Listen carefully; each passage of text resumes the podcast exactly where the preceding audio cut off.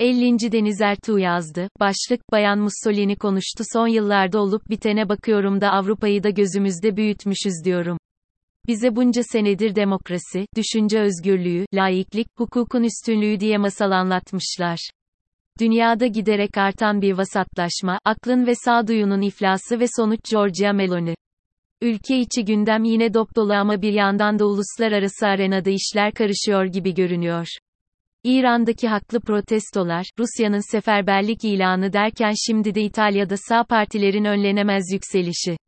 Çocukken tarih derslerinde, bütün bu olaylar olurken insanlar nasıl yaşıyorlarmış, diye düşünürdüm, yaşanabiliyormuş gerçekten. Bugün yazımda İtalya'daki durumdan bahsetmek istiyorum çünkü daha ileride bizim için de çok önemli olacağına inandığım gelişmeler yaşanıyor orada.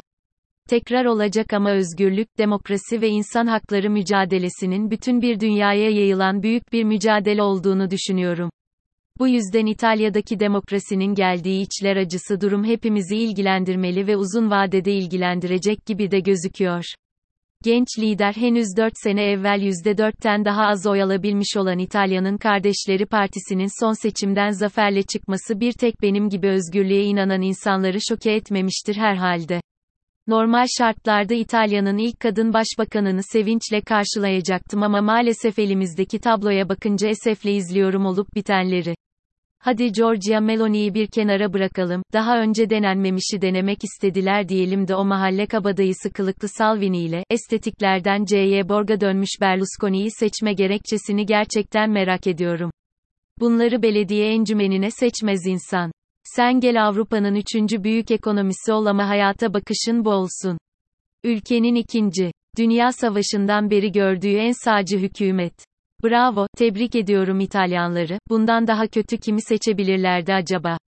O konuşma, Meloni'nin seçimlerden galibiyetle çıktığı belli olunca basına bir konuşması yansıdı.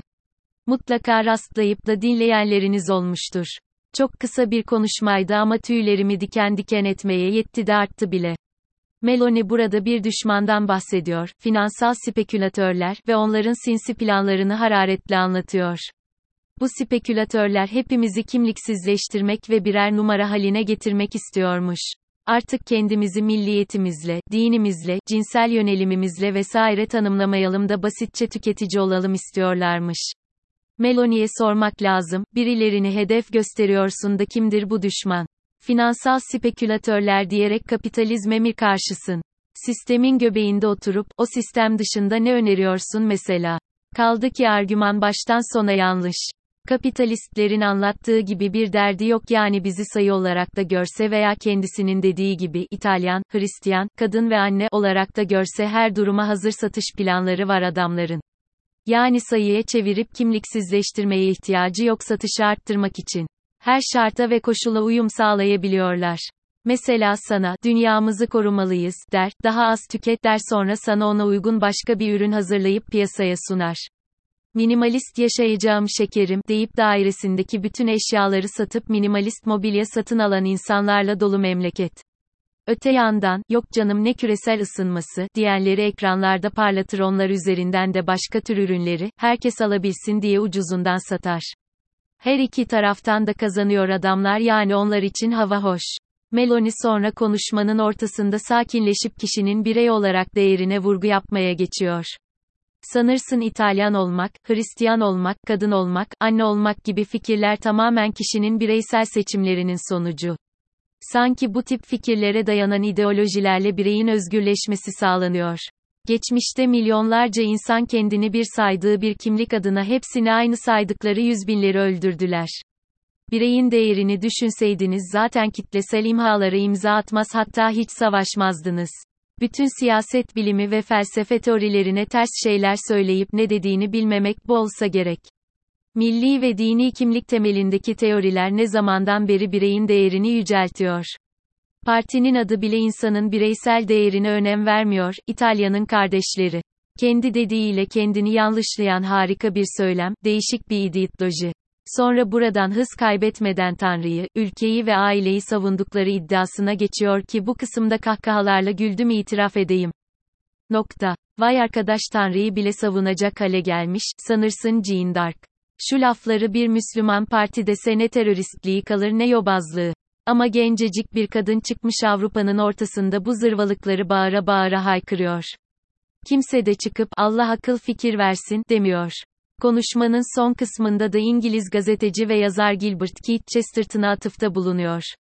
İki kere ikinin dört ettiğine tanıklık etmek için ateşler yakılacak. Yazın yaprakların yeşil olduğunu kanıtlamak için kılıçlar çekilecek. Meloni'ye göre bunun zamanı gelmiş. İnsana dair yargıların ve fikirlerin oluşum süreci de niteliği de ne matematiksel a priori ifadelere ne de doğa kanunlarına benziyor ama işte bazı kafalar her fikrin doğasını ve özelliğini bir tutup oradan kendine motivasyon devşiriyor.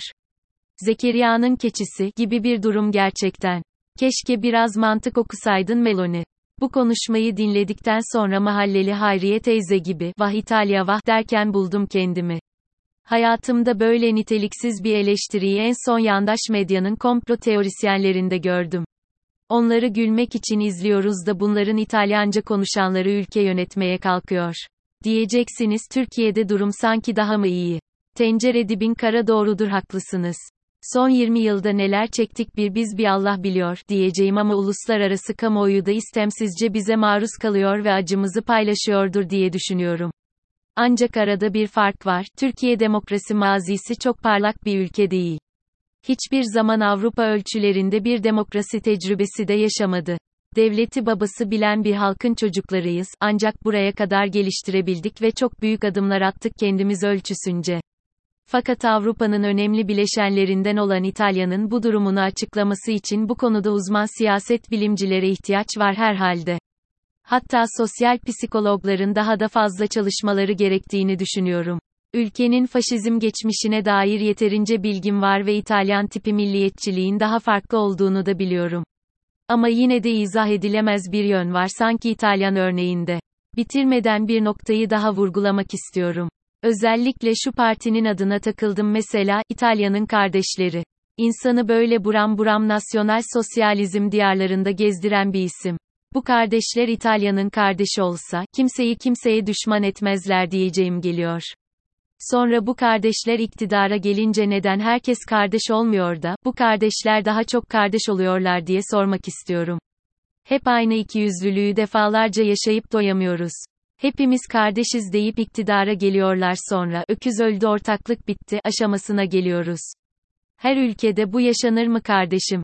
Şu son yıllarda olup bitene bakıyorum da Avrupa'yı da gözümüzde büyütmüşüz diyorum kendi kendime. Bize bunca senedir demokrasi, düşünce özgürlüğü, laiklik, hukukun üstünlüğü diye masal anlatmışlar. Dünyada giderek artan bir vasatlaşma, aklın ve sağduyunun iflası ve sonuç Giorgia Meloni. Bayan Mussolini ilk kez konuştu bakalım bundan sonra neler olacak. Yine inatçı iyimserliğimle güzel günlerin geleceğini yazayım ben size ama İtalya'dan yükselen sağ, Macaristan'daki vesaire örnekleriyle beraber dünyanın gidişatını mutlaka etkileyecektir. Umalım ki akıl ve mantık galebe çalsın.